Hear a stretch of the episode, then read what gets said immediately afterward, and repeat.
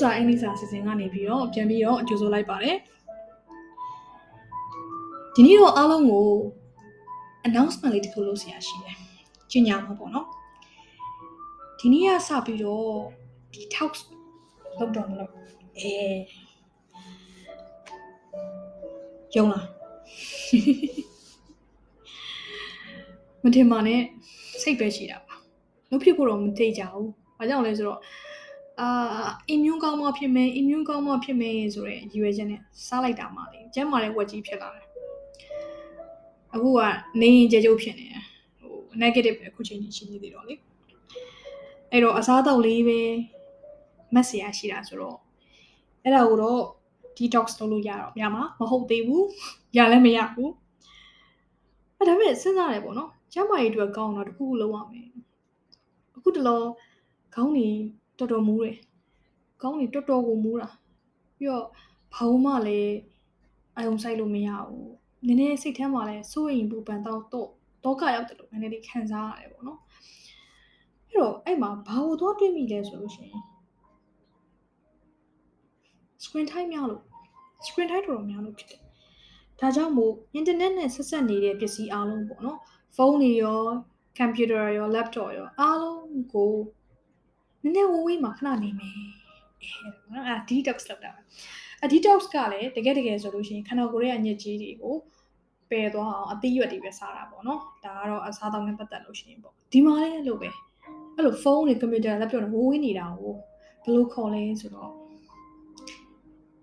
digital detox ဟုတ် digital detox လုပ်ဖို့လိုအပ်တယ်လို့လုံးဝထင်တယ်ခုနလိုမျိုးပေါ့နော်အာ ဟိုဝေဒနာတွေခံစားနေရပြီဆိုရင်လုံးဝလုပ်ဖို့လိုအပ်တယ်ဥမာဥမာစာကြောင်းလေးဖတ်ပြပေးမယ်နော် I spend all day and night on Saturdays on social media so I need a digital detox every Sunday or I'm too tired to go to work on Monday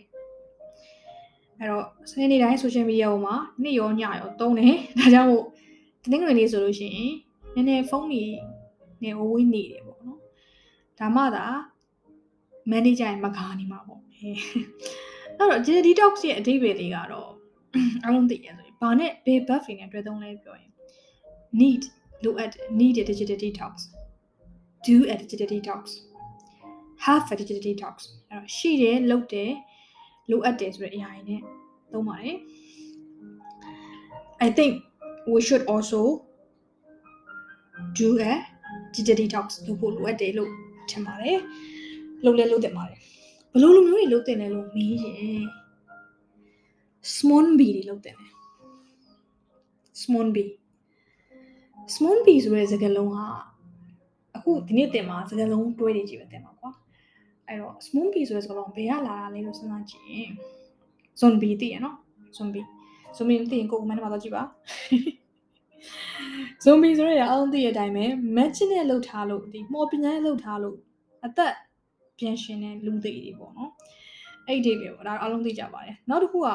zombie ကိုတကယ် zombie တစ်ခုလေးနာမည်နဲ့တော့ဘယ်လိုအဓိပ္ပာယ်ရှိသေးလဲဆို informally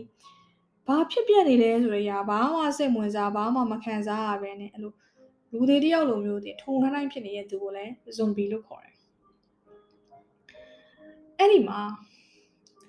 အဲ့လိုမျိုးပေါ့နော်ဘာဖြစ်နေမှန်းမသိဘာဖြစ်နေမှန်းမသိဘယ်သူကသူ့ကိုဘာပြောမှန်းမသိလုံးဝ တွေးကြပါထဲမှာနစ်မျောပြီးတော့ smartphone နဲ့သုံးနေတဲ့ကောင်တွေအဲအဲ့လိုမျိုးတွေကို zombie လို့ခေါ်တာ smartphone ရဲ့ zombie ရဲ့ပေါင်းတော့ zombie S M O M B I E zombie Are you a zombie ဖုံးမဲ့တဏီကုံထုံးပြီးတော့ message တွေချက်လိုက်အဲဘယ်သူစီ message တွေလာလဲဘယ်သူမှစီမလာပါဘူးဒါပေမဲ့ချက်တော့ချက်တာပေါ့နော်ဘယ်သူစီ message တွေလာရဲလို့အဲအမြဲတမ်းပဲကြည့်နေတာမျိုးဖုန်းနဲ့ပဲ game ဆော်နေတာမျိုးပြီးခေါင်းကြီးကိုငုံပြီးတော့ဖုန်းကြီးကိုကြည့်ပြီးတော့လမ်းဖြတ်ကူအဲ့လိုမျိုးပေါ့နော်ပစ္စည်းတွေဝင်တိုက်အဲ့လိုမျိုးလူမျိုးတွေပေါ့ဖုန်းဆွဲနေတဲ့သူဖုန်းဆွဲနေတဲ့သူမျိုးကိုဘယ်လိုခေါ်လဲဆိုတော့ small b လို့ခေါ်ပါတယ်အဲ့လိုလူမျိုးတွေဆိုလို့ရှိရင် if you are a small b you will seriously need a digital detox လုပ်တယ်ပါလေနောက်တစ်ခုอ่ะပေါ့နော် okay digital detox လောက်တာတော့ထားပါတော့ဖုန်းနဲ့ဝေးနေရမယ်ဆိုလို့ရှိရင် communication ရရှိသေးတယ်ဟုတ်တယ်နော်ဟိုဖုန်းဆက်ပြီးတော့စကားပြောတာမျိုးတွေပါတယ်ရှိတယ်အလုပ်ကိစ္စတွေပါတယ်ရှိအောင်မယ်ဟုတ်တယ်မလားအပြင်ထွက်လို့ရှိရင်လို့ရှိရင်လည်းအမေကစိတ်ပူရတယ်ပဲရှိအဲ့တော့ဖုန်းတော့လိုတယ်ဒါပေမဲ့ internet မှာပါတယ်ပေါ့အဲ့ smart phone ရဲ့စန့်ကျင်ဘက်လေးကိုစဉ်းစားကြည့်အောင် smart ဆိုတာညံကောင်းတာညံကောင်းတဲ့ဖုန်းပေါ့နော်အညံမကောင်းတဲ့ဖုန်းအဲ smart ရဲ့စန့်ကျင်ဘက်ကိုစဉ်းစားကြည့်လိုက်อืม stupid လည်းဟုတ်တယ် stupid နဲ့တူတဲ့စကားလုံးရှိတယ် d နဲ့စာတာ b နဲ့ဆုံးတယ်ဒီလား dam d u m b dam အဲ့တော့ b နဲ့ဆုံးပေမဲ့သူက b တဲ့မထွက်ဘူး b ဆောင်းက silent ဖြစ်တယ်အဲ့ dam လို့ထွက်အဲ့ dam phone you should buy a dam phone Nokia တော့ဘာလို့ဝယ်လိုက်ပေါ့နော်အဲ့လို keypad လေးနဲ့နေပြီအာဒီခေတ်မှာ dam phone ကကျန်းမာရေးအတွက်ရော safety အတွက်ရောအရန်ကောင်းတယ် dam phone ဝယ်တင်ပါတယ် if you are a small bee and if you want to do a digital detox you should definitely buy a dam phone အဲ့တော့ detox အကြောင်းပြောရင်းနဲ့ detox ကတကယ်ကောင်းလားခုနကမျိုးခေါင်းတွေကြိုက်တဲ့သူတွေဒီနေ့ဆိုလို့ရှိရင်တကယ်တော့အဲဘာမှမလုပ်ဘူးလို့စိတ်ကူးထားတာဒါပေမဲ့ညနေခင်းညပိုင်းကျမနေနိုင်ဘူး podcast တွေလုပ်ပါအောင်မယ်ဆိုလုပ်တာပေါ့နော်ဒီဖုန်းပဲသုံးနေလို့ရှိရင်ခေါင်းကြိုက်တာ screen ကြောင့်လည်းပါတယ်လို့ပေါ့နော် နောက်တစ်ခုကညဉ့်ညူစရာတွေမကောင်းတဲ့သတင်းတွေကြီးပဲဖတ်ရလို့လည်းပါတယ် Facebook မှာဆိုလို့ရှိရင် coronavirus နဲ့ပတ်သက်ပြီးသတင်းတွေရှိမယ် political ဒီဒီနိုင်ငံရေးဆိုင်ရာသတင်းတွေကလည်းလုံးဝတိတ်နှစ်မျိုးပွဲမရှိဘူးပေါ့နော်ဒါမျိုးတွေဖြစ်တယ်ဒါပေမဲ့အဲ့အမှန်ကိုကလည်းအမြင်ပုတ်နေမိတယ်အဲမြန်မာလိုပြောရင်ပုတ်တယ်ပေါ့အဲ့လိုဆို scroll လုပ်တာ scrolling scrolling လုပ်နေတယ်လုပ်တိုင်းလဲစိုးတာတွေကြီးပဲအဲကိုယ့်ရဲ့ချစ်ဆုံးတကယ်ချင်းဒီအောင်ကြသွားပြီကိုက FA ထ scroll တယ် ကိုတငယ်ချင်းလုံခဲ့တဲ့နှစ်နှစ်ကအိမ်တော်ကြောက်ရတဲ့တငယ်ချင်းကလေးလေးရသွားပြီကို FA ဩစိတ်ပြက်စရာတွေကြီးပဲအဲ့လိုမျိုးပေါ့နော်အဲ့လိုစိတ်ပြက်စရာတွေစိတ်ညစ်စရာတွေဟို D နဲ့စားတယ် M နဲ့ဆုံးတယ် doom d o o m doom တိတိကြတယ်ထင်တယ်အဲ့ doom နဲ့ schooling နဲ့ပေါင်းလိုက်တော့ doom schooling လို့ခေါ်တယ်အဲ့တော့ doom schooling ဆိုတဲ့စကားလုံးလေးရတယ်အခုနောက်ပိုင်းမှာပေါ့နော်ပေါ်လာတဲ့စကားလုံးလေးဖြစ်တယ်တိလဲတိထားတယ် တော့ buff ပေါ့နော်အဲ့တော့ဥပမာလေးတွေကိုပြောပြမယ်နောက်ထောင်ကြည့်ပါ I've been doom scrolling too much and read so much information about coronavirus that I can't even sleep at night အဲ့တော့ doom scrolling အရင်လုပ်နေတယ် coronavirus နဲ့ပတ်သက်ပြီးတော့လည်းသတင်းတွေအကုန်ဖတ်တယ်ညဘက်မှာအိတ်မပြောတော့ stop doom scrolling if you read too much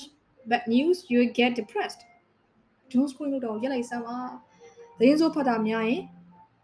စိတ်ထဲကြလိမ့်မယ်အဲ့ဒါမျိုးပေါ့နော်အဲ့တော့ you should stop doom scrolling လုပ်တင်ပါတယ်အားလုံးပါနောက်တစ်ခုကသတင်းစိုးကြောင့်စိတ်ပြတ်တာမဟုတ်ဘဲနဲ့လေကိုကအဆင်မပြေဘူးသူများတွေအဆင်ပြေနေတာတွေ့ရင်လည်းလူစိတ်ကလေသိရမှာမူရိတာမပွားနိုင်ဘူးကွာအဆင်မပြေဘူးအဲခုနပြောသလိုပါပဲတချို့တငယ်ချင်းတွေကအိမ်အောင်ကြသွားတယ်ကွာသူကကလေးလေးမွေးထား ကလေးလေးကလေးမွေးထားတယ်ပေါ့နော်ကလေးမွေးထားတယ်ကလေးမွေးထားတော့ဒီလိုအချိန်မျိုးမှာသူတို့ရဲ့အလှပုံတွေသူတို့မတင်တင်မှန်းတော့သူတို့သိတယ်အဲသူတို့မတင်ဘူးဒါပေမဲ့ကလေးပုံတော့တင်တယ်တခါတခါကျရင်ကလေးပုံတစ်သိနဲ့သူတို့ပုံကြီးကြီးနဲ့တွဲတင်တယ်အဲကလေးကိုကာဗာလုပ်ပြီးတင်တယ်အဲ့လိုမျိုးအရင် share တာအရင် share တာဟိုဒီနေ့တတဤဘယ်နဲ့တုံးပါတော့လကစားတတဒီနေ့ရေရေချိုးတယ်အဲဒါမျိုးတွေပေါ့နော်အဲ့လို ကလေးရဲ့ naked တဲ့ပုံတွေလည်းတင်တာပဲအဲ့လိုမျိုးပေါ့နော်ကလေးရဲ့ private life ကိုဘာရပါပြတာပေါ့နော်အရန်ပြတာမျိုး share လုံးအားကြီးတဲ့သူမျိုးကိုမိဘ parent နော် parenting share နဲ့ပေါင်းတော့ sharenting လို့ခေါ်တယ် S H A R E N T I N G sharenting လို့တယ်အဲ့တော့ I'm really sick and tired of my friends constant sharenting တကယ်ချင်းတွေရဲ့ကလေးပုံတွေ share တာကိုတော်တော်လေးကိုရန်ကို sick and tired ဖြစ်နေပါပြီဒါမျိုးပေါ့နော်အဲ့တော့ဒါပေမဲ့ sharing တက်ဆိုတာပေါ့နော်ဒီ Facebook မှာတိတ်ပြီးတော့သီးမခံနိုင်တာတခုရှိတယ်အဲ့ဒါကြွားတာအဲ့လိုပဲဒီပေါ်ပေါ်တင်တင်ကြွားလို့မကောင်းမှန်းသိတော့သူတို့ကသူတို့ကိုသူတို့နှိမ့်ချတယ်လို့မျိုးနဲ့ကြွားတာအဲ့လိုကြွားတာအဲ့ ကြွားတာကို B နဲ့စားတယ်နောက်တစ်လုံးရှိသေးတယ် post မဟုတ်ဘူး break brag break show off ကလည်းဒါကြွားတာပဲပေါ့နော် break brag break ကလည်းကြွားတာပဲအဲ့တော့နှိမ့်ချတာကို h နဲ့စားတယ် humble အဲ့တော့အဲ့နှစ်ခုကိုပေါင်းလိုက်တော့ humble break အဲကိုကိုကိုနှိမ့်ချတယ်လို့ ਨੇ ပြင်တာ အဲ့တော့ဥပမာလေးကြည့်အောင်ဥပမာလေးကြည့်မယ်ဆိုလို့ရှိရင်ကတော့လို့ပေါ့နော်ငါစောင်းမွေးလဲဖြေလဲဘယ်တော့မှမတော်ပါဘူးဘယ်တော့မှလည်းတော်တဲ့ကောင်လည်းမဟုတ်ဘူးစာလည်းကြက်တဲ့ကောင်လည်းမဟုတ်ဘူးနှစ်တိုင်းနှစ်တိုင်း subject တိုင်းမှာပထမရနေတယ်အဟောမကောင်းအဲဒါမျိုးတွေပေါ့အဲ့လိုနှိမ့်ချတယ်လို့လည်းကြွားတာမျိုးပေါ့နော်နောက်တစ်ခုကဘယ်လိုမျိုးလဲဆိုတော့ဟာ3လအတွင်းမှာငါ promotion တစ်ခုရတယ် တင်မလိုက်တာ holiday လို့ပါတယ်ဒါမျိုးတွေပေါ့ complain လုပ်တယ်လို့နဲ့ညီးတွားတယ်လို့နဲ့ကြွားတာမျိုး I'm exhausted because I've just received two promotions in 3 months I need a holiday ဒါမျိုးပေါ့ကြွားတာကြွားတာရုပ်ကလည်းမလာပဲနဲ့အခု message တွေတက်တောင်းတောင်းလာနေလေအဲအဲဘယ်ဘယ်လိုမျိုးသူကမြဲစက်နေလဲမသိဘူး ပို့နေလည်းမသိဘူးအဲဒါဒါမျိုးပေါ့နော် humble break လို့တာအဲ့လိုမျိုးတော့တော်တော်လေးကိုမခံနိုင်တော့ပါဟုတ်ပါတယ်ဒီလိုချိန်ချင်းမျိုးမှာကြတော့လေအင်တာနက်ကအပြင်လဲမသွားရဘူးဆိုခုနလိုမျိုးနော်လိုလိုမျိုးအဲဟို coronavirus ကလည်း virus ကလည်းဖြစ်ဖြစ်မနေဘူးဖြစ်မနေတဲ့သူတို့ဖြစ်နေတဲ့သူရောပါအိမ်မှာခုနောက်ပိုင်းအိမ်မှာပဲနေရတာများတယ်ဆိုတော့ကြောင့်လေနည်းနည်းသုံးပြကြတယ်သုံးပြတဲ့ chat အခါမျိုးမှာလည်းတခုပြောချင်ပါတယ် ဒီနေ့ပေါ့နော်အဲဒီစကားလုံးလေးတွေပဲဆုံးသက်ချင်တယ်ဒီနေ့ podcast လေးကိုလူတွေမှာလှုပ်တင်တယ်မလှုပ်တင်ဤ professional တခုမှာလှုပ်တင်တယ်မလှုပ်တင်ဤကောင်းမွန်တဲ့ behavior တွေရှိတယ်အဲ့ဒါကို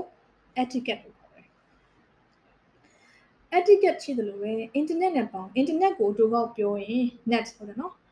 အဲ့ဒါကို net net နဲ့ etiquette နဲ့ပေါင်းလိုက်တော့သူက netiquette ထွက်အဲ့တော့ internet ပေါ်မှာ ရှိရမယ်စောင့်ထိန်ရမယ်အရာတွေပေါ့နော်အဲ့တော့ကိုယ့်ရဲ့အပြုမူကိုယ့်ရဲ့အပြောဆိုကိုယ့်ရဲ့ comment ကိုယ့်ရဲ့ post တွေဟာသူများကိုမကူညီတော့သူများကိုအဲမထိခိုက်စေမဲ့အရာမျိုးတွေဖြစ်အောင်စောင့်ထိန်ကြဖို့တိုက်တွန်းရင်းနဲ့ဒီနေ့ podcast လေးကိုအဆုံးသတ်ချင်ပါတယ်အားလုံးပဲ digital detox လေးလုပ်ကြပါ bye bye